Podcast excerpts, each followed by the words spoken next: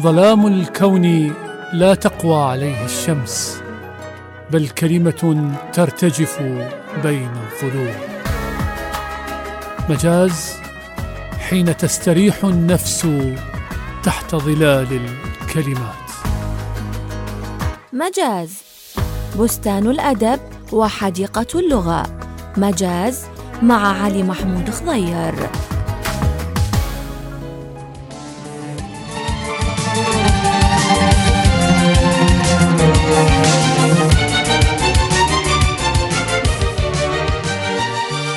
حياكم الله أحبتي المستمعين أصدق وأجمل تحية ولقاء جديد معكم في لقاءات مجاز حياكم الله على الخير والمحبة.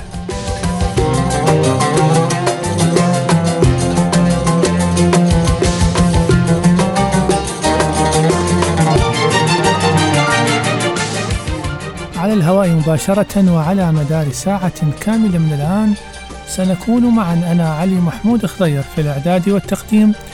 يرافقني في الإخراج والتنفيذ الزميل المبدع مصطفى نزار. خليكم ويانا. شبك حبيبي جلى بالهوى وهوى حبيبي يا أول هوى. شبك حبيبي حبيبي جلى بالهوى.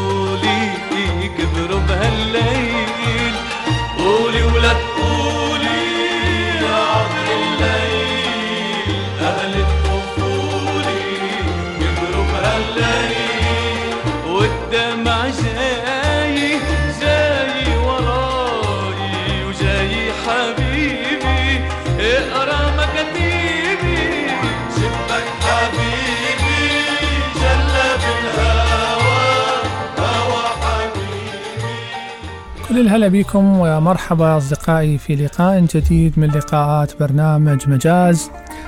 نلتقي على الود والخير والعافية ونتمنى لكم أوقات طيبة برفقة برامج الإذاعة عامة. وبرنامجنا مجاز خاصة أرحب بكل السيدات والسادة مستمعي مجاز اللي يسمعونا سواء من الراديو وعلى موجتنا الثابتة 102.5 أف إم واللي يسمعنا من مواقعنا على التواصل الاجتماعي وتطبيقات الهاتف المحمول في كل مكان أو منصات البودكاست حول العالم. حياكم الله.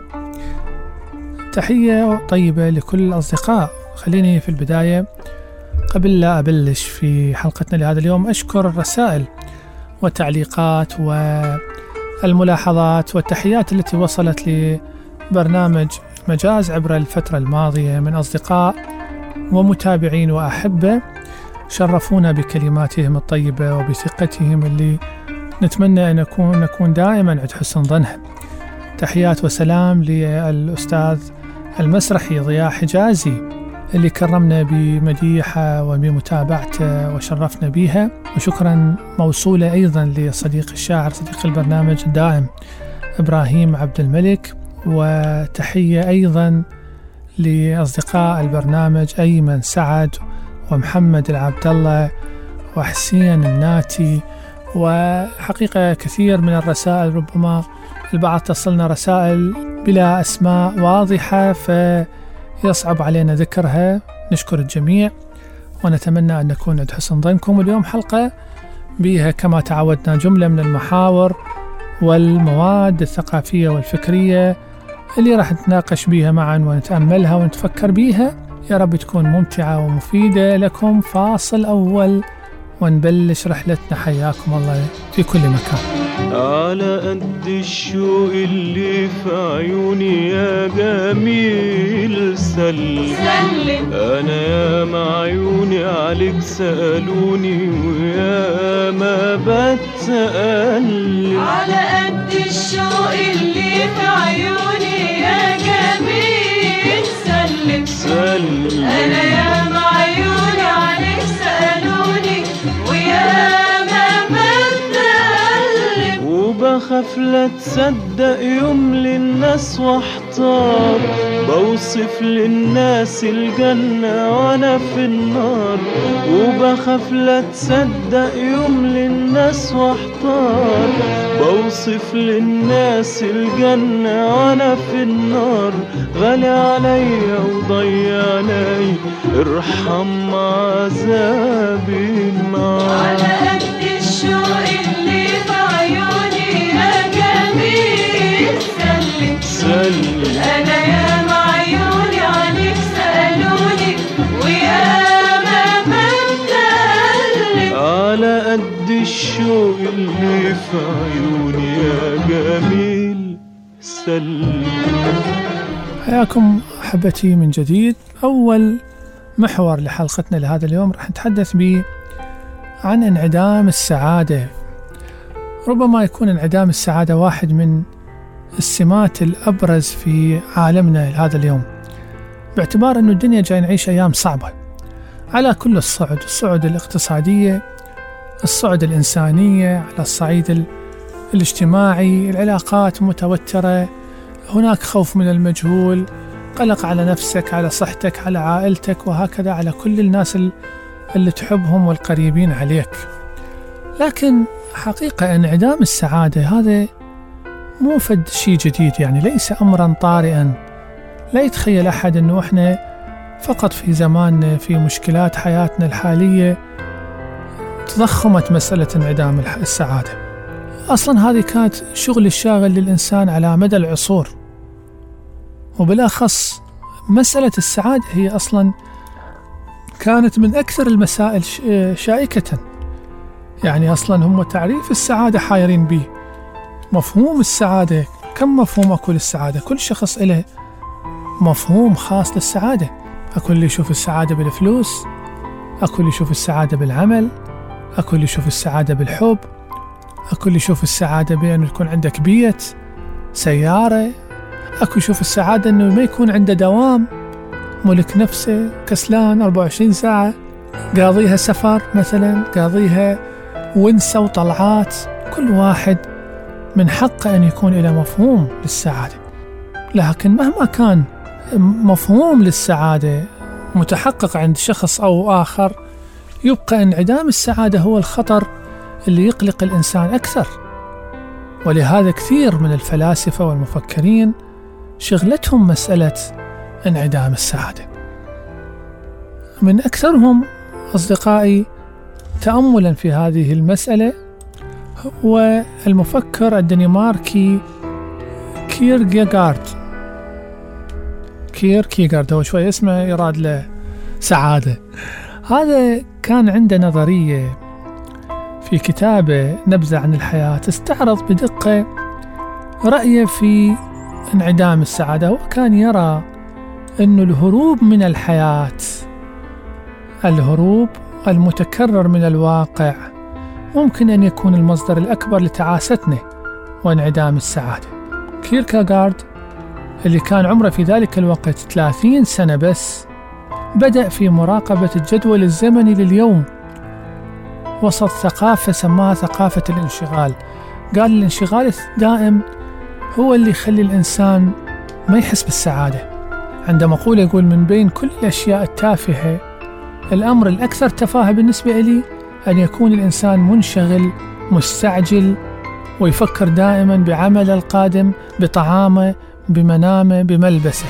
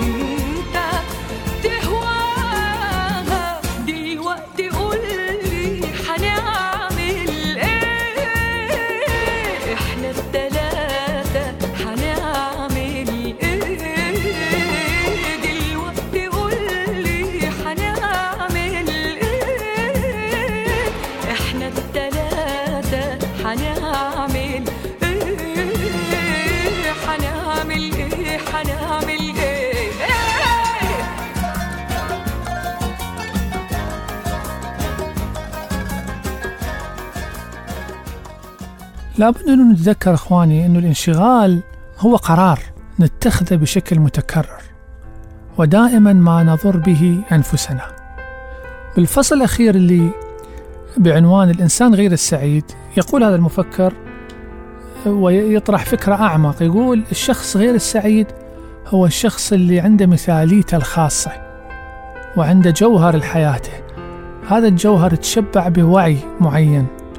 جوهر وجوده بشكل حي وبطريقة ما خارج نفسه ما يفكر بنفسه. الشخص الغير السعيد هو شخص غائب عن نفسه دائما غير متواجد فيها منشغل بما هو خارج الذات.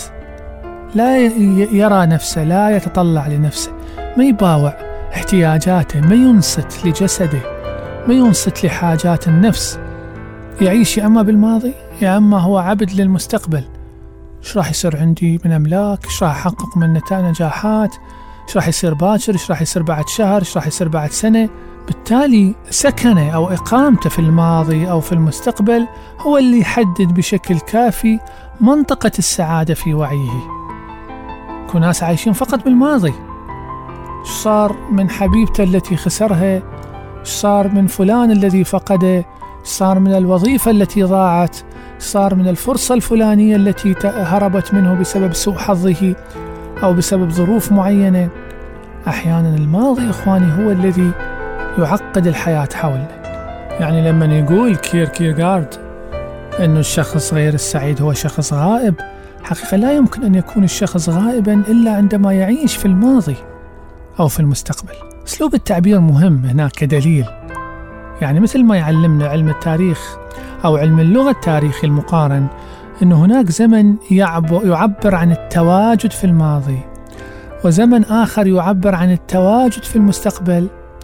يعلمنا أيضا أن هناك زمن ماضي تام وهو اللي ما يمكن التواجد به تماما مثل ما أكو المستقبل التام يحمل نفس الصفات. فبالتالي المستقبل التام هو اللي يكون محطة أمل الأشخاص في المستقبل أو ذكرياتهم في الماضي.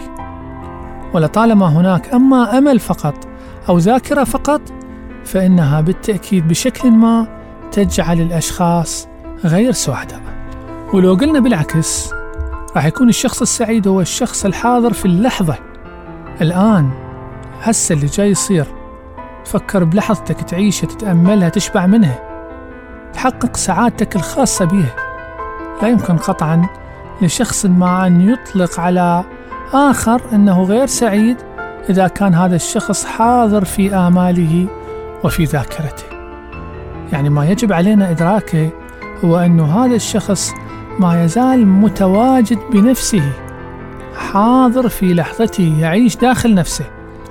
يستعرض أصدقائي كيركيغارد هذان المفتاحان لأشكال الهروب من الواقع. اللي إحنا قلنا هي أما الأمل أو الذاكرة هذا التقرير خلينا نسمعه سوية ونتامله ونرجع في مجاز حياكم الله. لننظر اولا للأشخاص الذين يلجؤون للأمل. عندما يكون شخص متعلق بالأمل وبالتأكيد غير سعيد، غير موجود في اللحظة، يصبح غير سعيد بشكل أكثر حدة.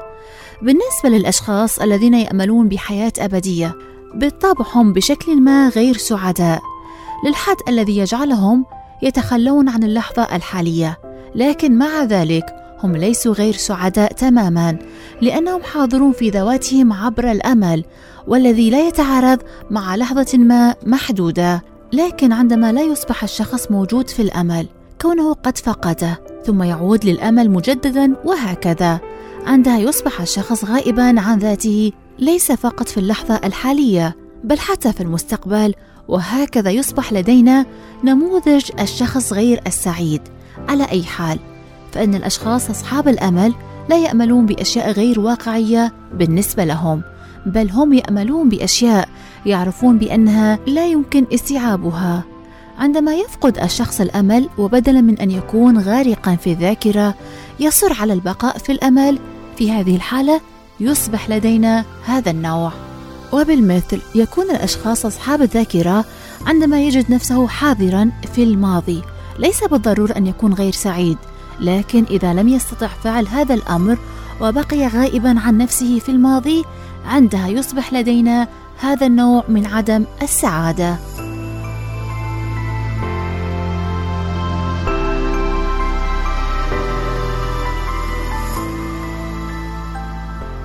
إن الذاكرة من دون شك هي العنصر الفعلي لعدم السعادة. كما ترى الطبيعة الماضي بأنه يعبر عما ولى والمستقبل ما سيأتي.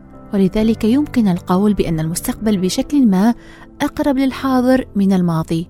أن المستقبل بالنسبة للأشخاص أصحاب الأمل يعني أن تكون حاضرا في أمور غالبا سوف تصبح حقيقية أو بإمكانها أن تكون حقيقية. أما الماضي فهو بالنسبة للأشخاص أصحاب التذكر هو أن يكونوا حاضرين في تلك اللحظات التي حدثت. لكن عندما يصبح لأصحاب الأمل مستقبل لا يحتوي على واقعهم أو أن يكون لأصحاب الذاكرة ماض لا يوجد فيه واقعهم عندها سوف يصبح لدينا أشخاص غير سعداء. الأشخاص غير السعداء هم الذين لا يرغبون بأن يكون لديهم ألم كما لدى أصحاب الذاكرة. أما أصحاب الأمل فهم الأشخاص الذين لديهم المزيد من الخيبات المرضية لهم لذا يكون دائما الشخص الأقل سعادة بين أصحاب الذاكرة التعساء.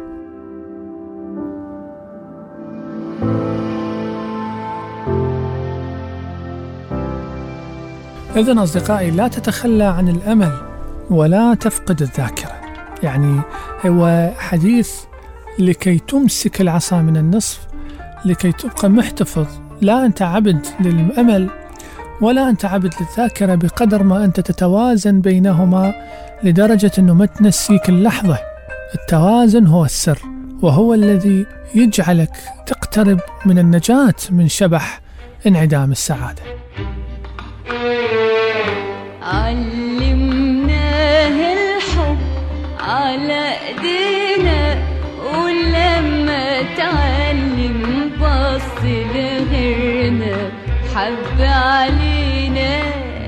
يا سلام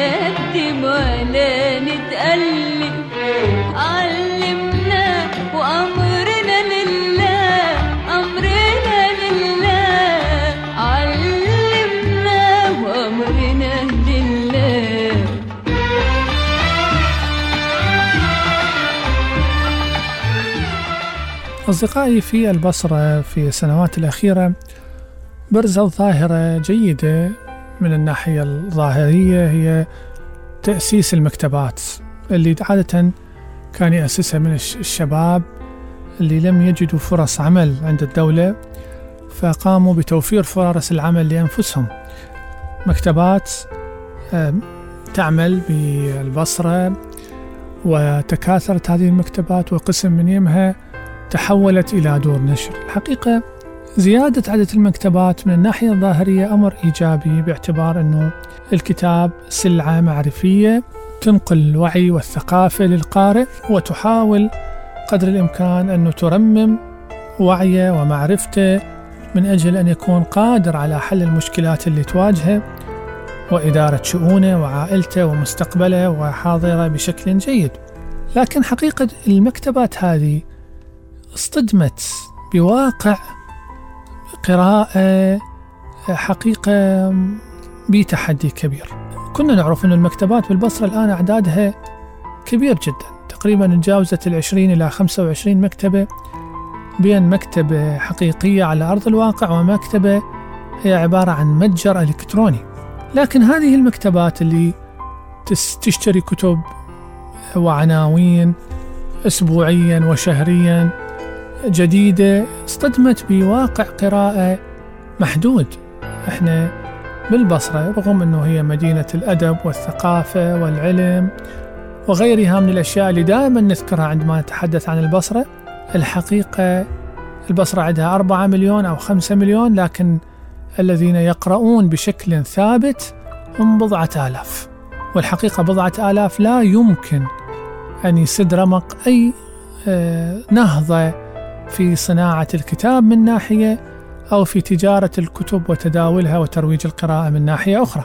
وأكبر دليل على هذه المسألة هو معرض الكتاب معرض البصرة الدولي للكتاب اللي صار عام 2021 أحد بينا سأل ليش ما أقيمت الدورة الثانية؟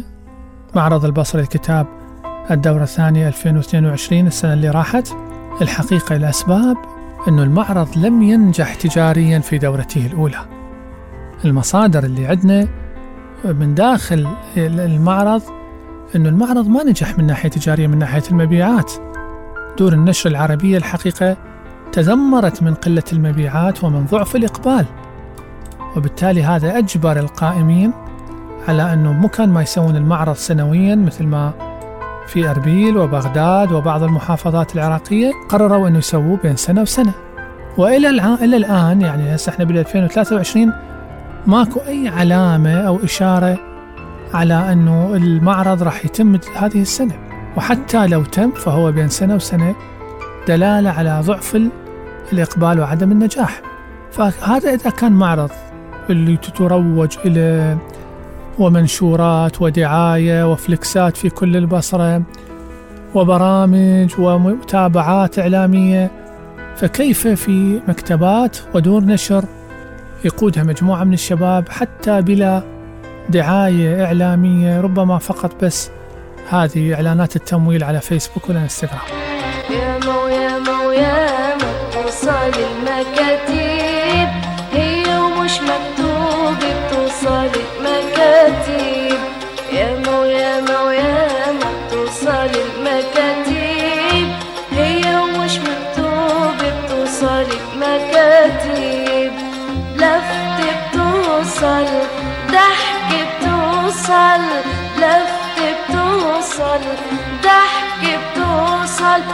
وبتاخد حكي وبتجيب. ياما وياما وياما توصل المكاتيب ياما وياما وياما توصل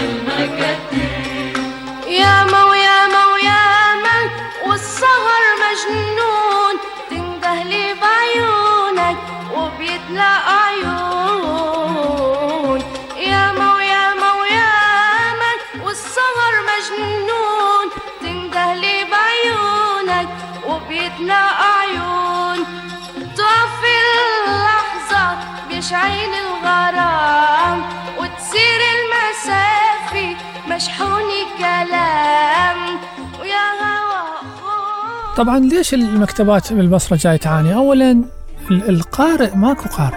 يعني هو القارئ شلون يصير؟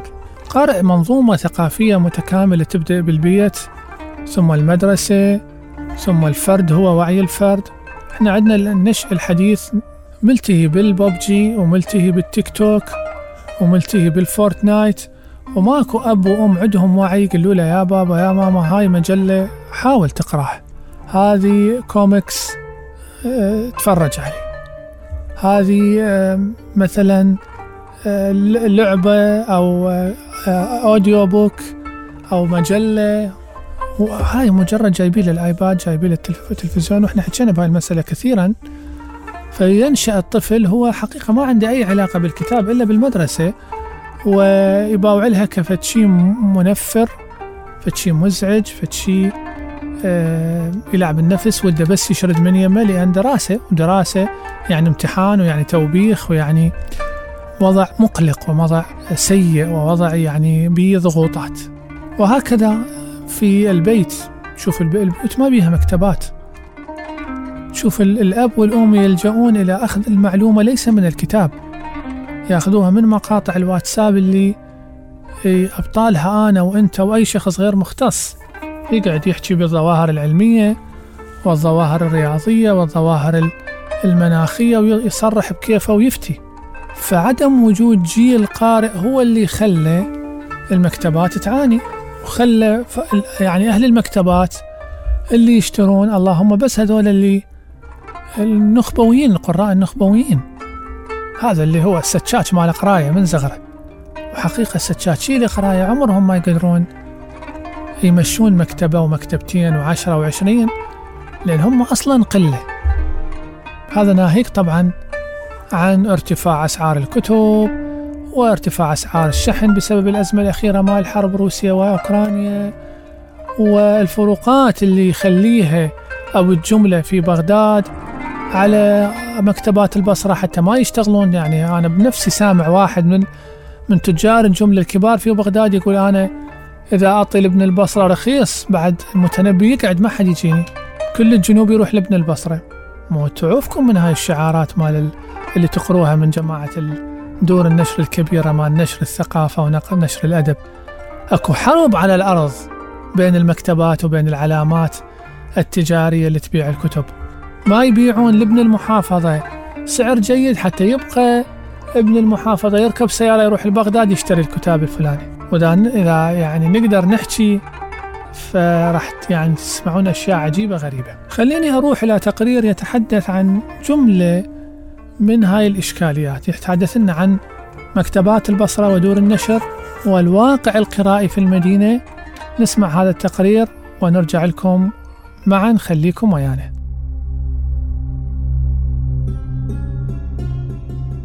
شهدت البصرة في السنوات الخمسة الأخيرة تأسيس مكتبات أهلية انتشرت في مناطقها على نحو لافت حتى باتت ظاهرة. أسس المكتبات شباب لا يجمعهم مع المهنة سوى حب الكتابة والقراءة والهروب من البطالة والإحباط السياسي إلى خلق فرص عملهم بأيديهم. يرى آدم أحمد وهو أمين مكتبة أن تزايد المكتبات يعود لشحة فرص العمل ولبساطة متطلبات المشروع. فالأمر لا يتعدى إيجار محل مناسب وتجهيز ديكور معقول. ودور النشر في شارع المتنبي ستجهزك بالكتب. لافتا إلى أن بعض تجار الكتب ببغداد يزودون مكتبات المحافظات بالكتب بطريقة الدفع بالآجل أو طريقة التصريف. بمعنى إنها تحاسبك على قدر مبيعاتك فقط وليس على إجمالي الكمية المسحوبة. لكن بعض تجار الجملة المهمين يعملون بالدفع المباشر. أحمد أشار إلى أن تجارة الكتب لاقت رواجا في السنوات الأخيرة بسبب توجه إعلامي عام للترويج عن الثقافة باعتبارها مظهرا مدنيا يراد له أن يبرز بعد سنوات العنف التي مرت بالعراق.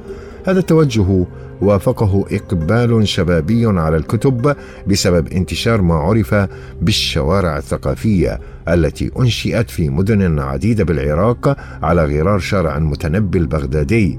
ولكن هل يعكس هذا التوسع بالشوارع الثقافية وتأسيس المكتبات ظاهرة انتعاش قرائي؟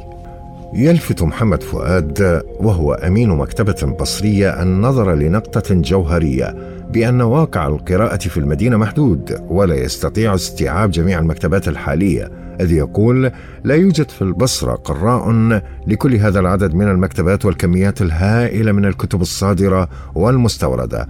المبيعات محدودة والأغلبية تكتفي بالتفرج وقضاء الوقت بالمطالعة والحوار.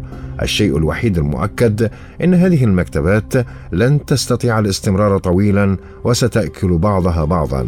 البقاء للأقوى. وأيضا تقف تحديات ارتفاع بدلات الإيجار وتضخم أسعار الكتب بالجملة ومحدودية القدرة الشرائية للزبائن وأغلبهم من طلاب الجامعات بوجه استمرارية المكتبات الناشئة.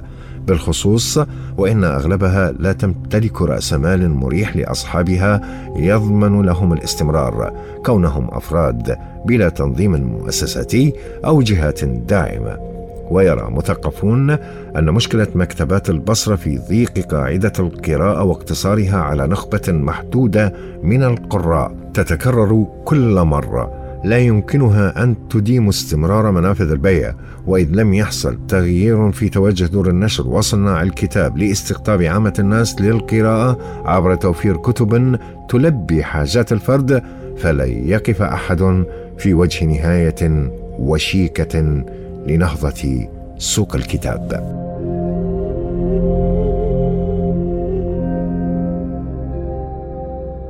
نعم أصدقائي مثل ما شفنا بالتقرير طبعا مشكلة دور النشر في البصرة هي مشكلتها أكبر يعني ربما المفروض نأخذها في محور مختلف وحدها دور النشر هذه تعاني لأنه هي أصلا كمكتبة هي غير مت يعني مكتملة الأركان بالمعنى المهني الصرف كمكتبة احترافية فكيف تدخل مضمار مثل مضمار النشر اللي يحتاج إلى حقيقة عمل كبير؟ يحتاج إلى رأس مال كبير يحتاج إلى استراتيجية إلى قدرة على توظيف كادر من المحررين من التعاقد مع المترجمين من القدرة على التفاوض مع دور النشر الأجنبية إمكانية على دفع الحقوق إمكانية على توزيع الأعمال توزيعا حقيقيا ونشرها.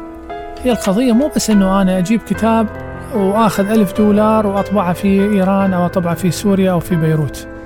وأحط لي لوجو وأخلي رجل على رجل وأقول أنا دار نشر. الحقيقة أبعد من هذه. دور النشر استراتيجيات وصناعة تجارة.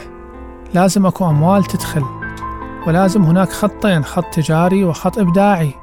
إحنا مشكلتنا الرئيسية اللي أنا أقولها واللي أوجهها للمعنيين في هذا المجال. وخلي يتحملوني. مشكلتنا الأساسية أنه إحنا متوجهين نحو النخبة فقط. هذه المكتبات وهذه دور النشر عاجزة عن أن تفهم بأن الحل في أن أكون لي قاعدة جماهيرية من القراء.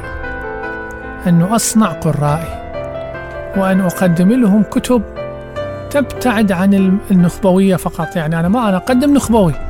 أقدم زاد فكري وثقافي ومعرفي وفلسفي لكن أقدم إلى جانب ذلك كتب تسد حاجة القارئ الاعتيادي الإنسان الاعتيادي البسيط. ولا إذا تفكرون أنتم بس بالنخبة فمصيركم جميعا الإفلاس والتعزيلة لأن أب أفضل دور النشر الأوروبية جاي تعزل هسه. فكيف تقنعني أنه أنت في ظل الظروف الحالية تقدر أنه تستمر؟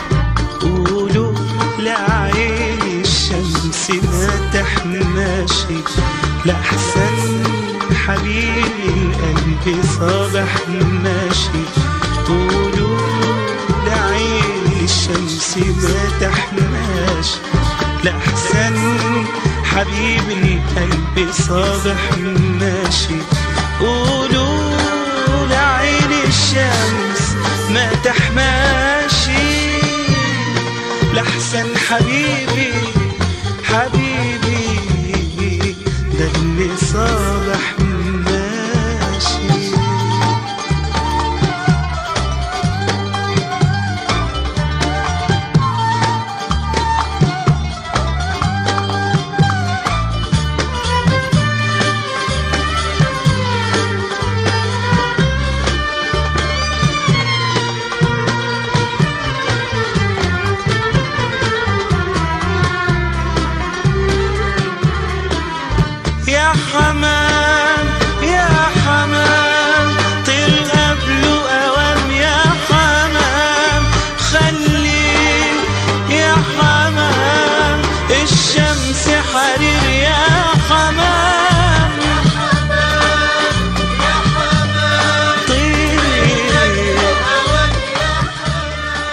أصدقائي بالتزامن مع ذكرى ميلاد الروائي العالمي جابرييل غارسيا ماركيز كانت دار أثر للنشر والتوزيع في السعودية أصدرت كتاب اسمه في وداع جابو ومرسيدس اللي تناول تفاصيل حياة الكاتب الكولومبي وزوجته مرسيدس بارتشا.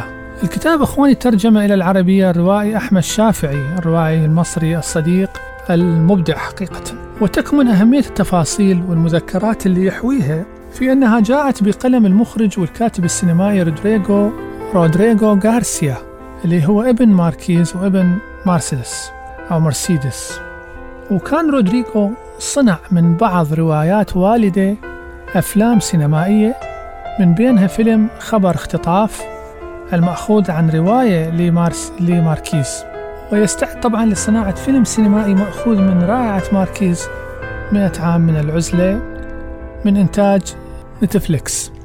طبعا مارك ماركيز كاتب كبير طبع القرن العشرين كله بطابعه.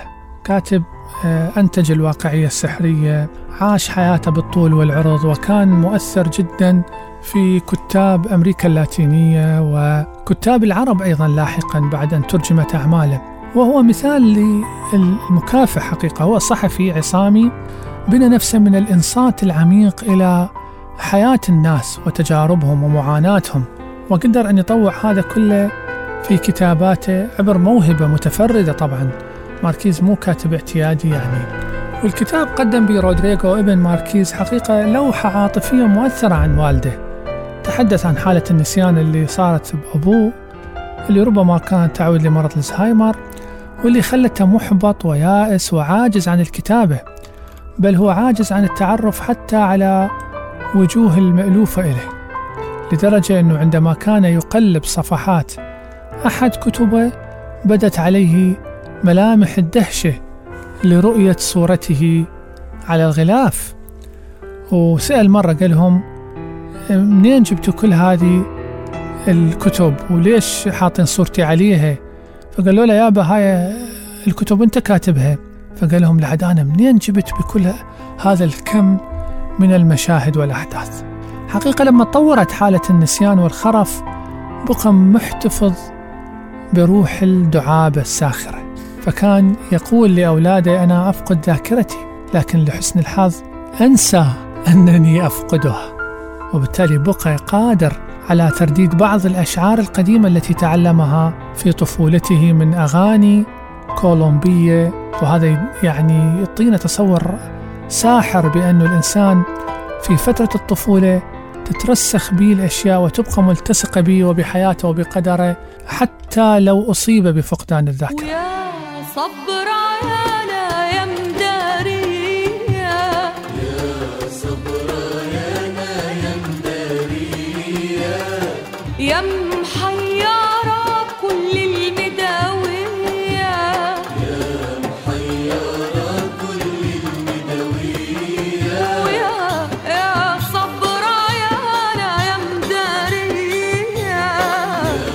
ويا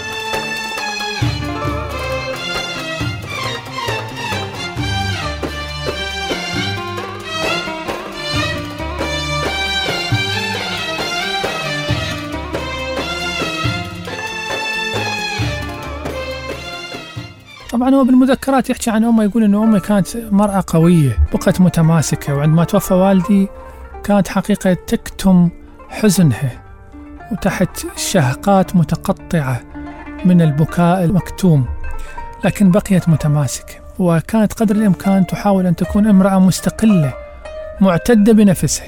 ومن اللطائف يقول آه، الرئيس لما ذكرها بوحدة من الخطابات التكريمية في حفلات التكريم. قال يابا هذه أرملة ماركيز. يقول أنا سمعتها تهدد تقول أنا بس ألتقي الصحافة راح أقول لهم يا أرملة أنا أخطط للزواج. أخطط للزواج مرة أخرى دلالة على قوتها وحالة ال- حب الحياة والاعتداد اللي آه، تملكه. يذكر الابن عبارة والده يقول هاي من العبارات المؤثرة عندي أنه الإنسان ثلاث حيوات. حياة عامة وحياة خاصة وحياة سرية. أروح إلى تقرير يتحدث لنا عن ماركيز ورحلته مع الأدب نقدمها إلى محبين مجاز ومتابعينه ممن لم يتعرفوا على حياة وسيرة ومزايا وسمات أدب هذا الكاتب الكبير.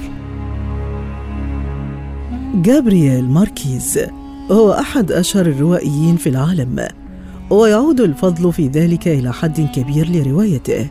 مئة عام من العزلة التي تعتبر النموذج الأمثل لتيار الواقعية السحرية في الأدب. ونال بفضلها جائزة نوبل للآداب عام 1982 وكان أيضا ناشرا وصحفيا وناشطا سياسيا. استطاع أن يؤثر على مجريات الأحداث السياسية والاجتماعية في بلاده وخارجها. فقد عنون خطاب قبوله جائزة نوبل. عزلة أمريكا اللاتينية وتناول فيه أوضاع هذه المنطقة وسبل فكاكها من الدكتاتورية التي تخنقها. ولئن كان تأثير ماركيز السياسي ملموسا على هذه الرقعة المضطربة من العالم فقد ألقى بتأثيره الأدبي على سائر أرجاء المعمورة وصار من عمالقة التاريخ الروائي البشري. نشر ماركيز أول أعماله قصة بحار تحطمت سفينته. مسلسلا في إحدى الصحف عام 1955 وهو عمل بناه على قصة حقيقية غرقت فيها سفينة كولومبية بكل أفراد طاقمها سوى بحار واحد.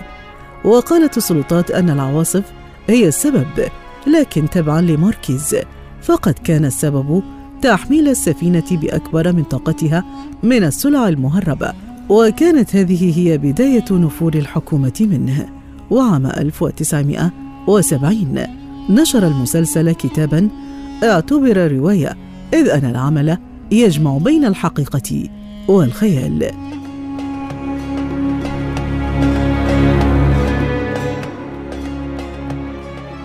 وما يقال عن قصة بحار تحطمت سفينته ينطبق أيضا على أعمال مثل وقائع موت معلن وهي قصة جريمة قتل دافعها الثأر وثقتها الصحف.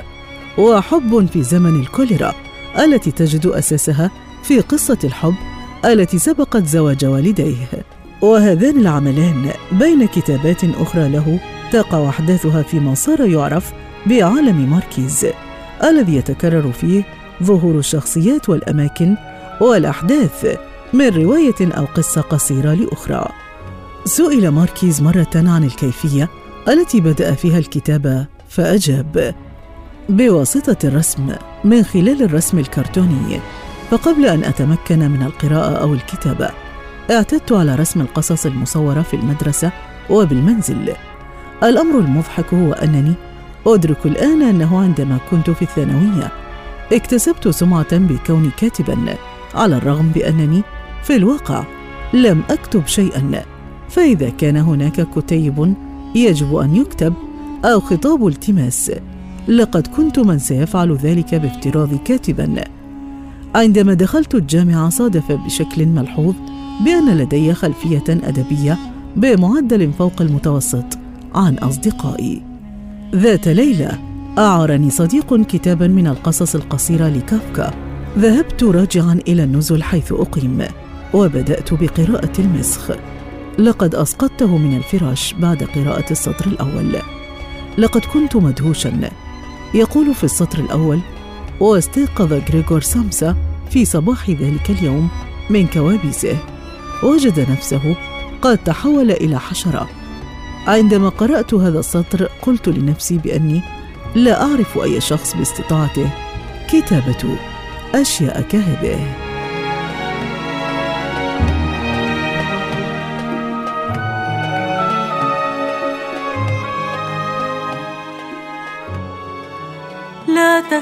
إن تأخر قلبي عليك أنا ما أضعت السبيل ولكنني في الطريق إليك وجدت الطريق طويلا.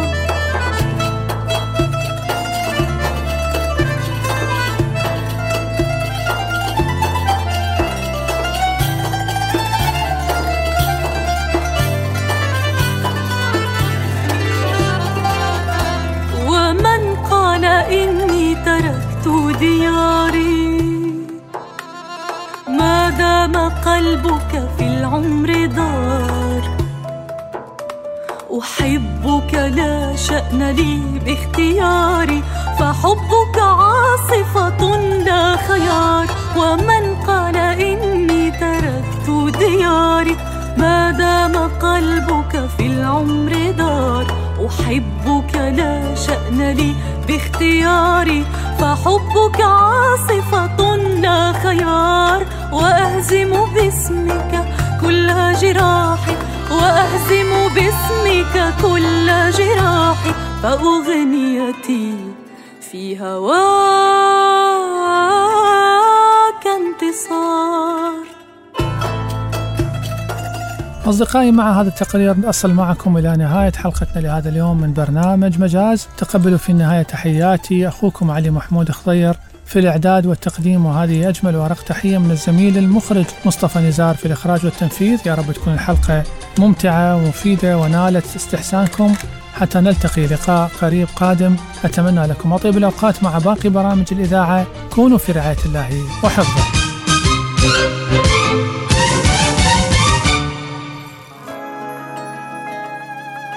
ظلام الكون لا تقوى عليه الشمس بل كلمة ترتجف بين الظلوم مجاز حين تستريح النفس تحت ظلال الكلمات. مجاز بستان الأدب وحديقة اللغة.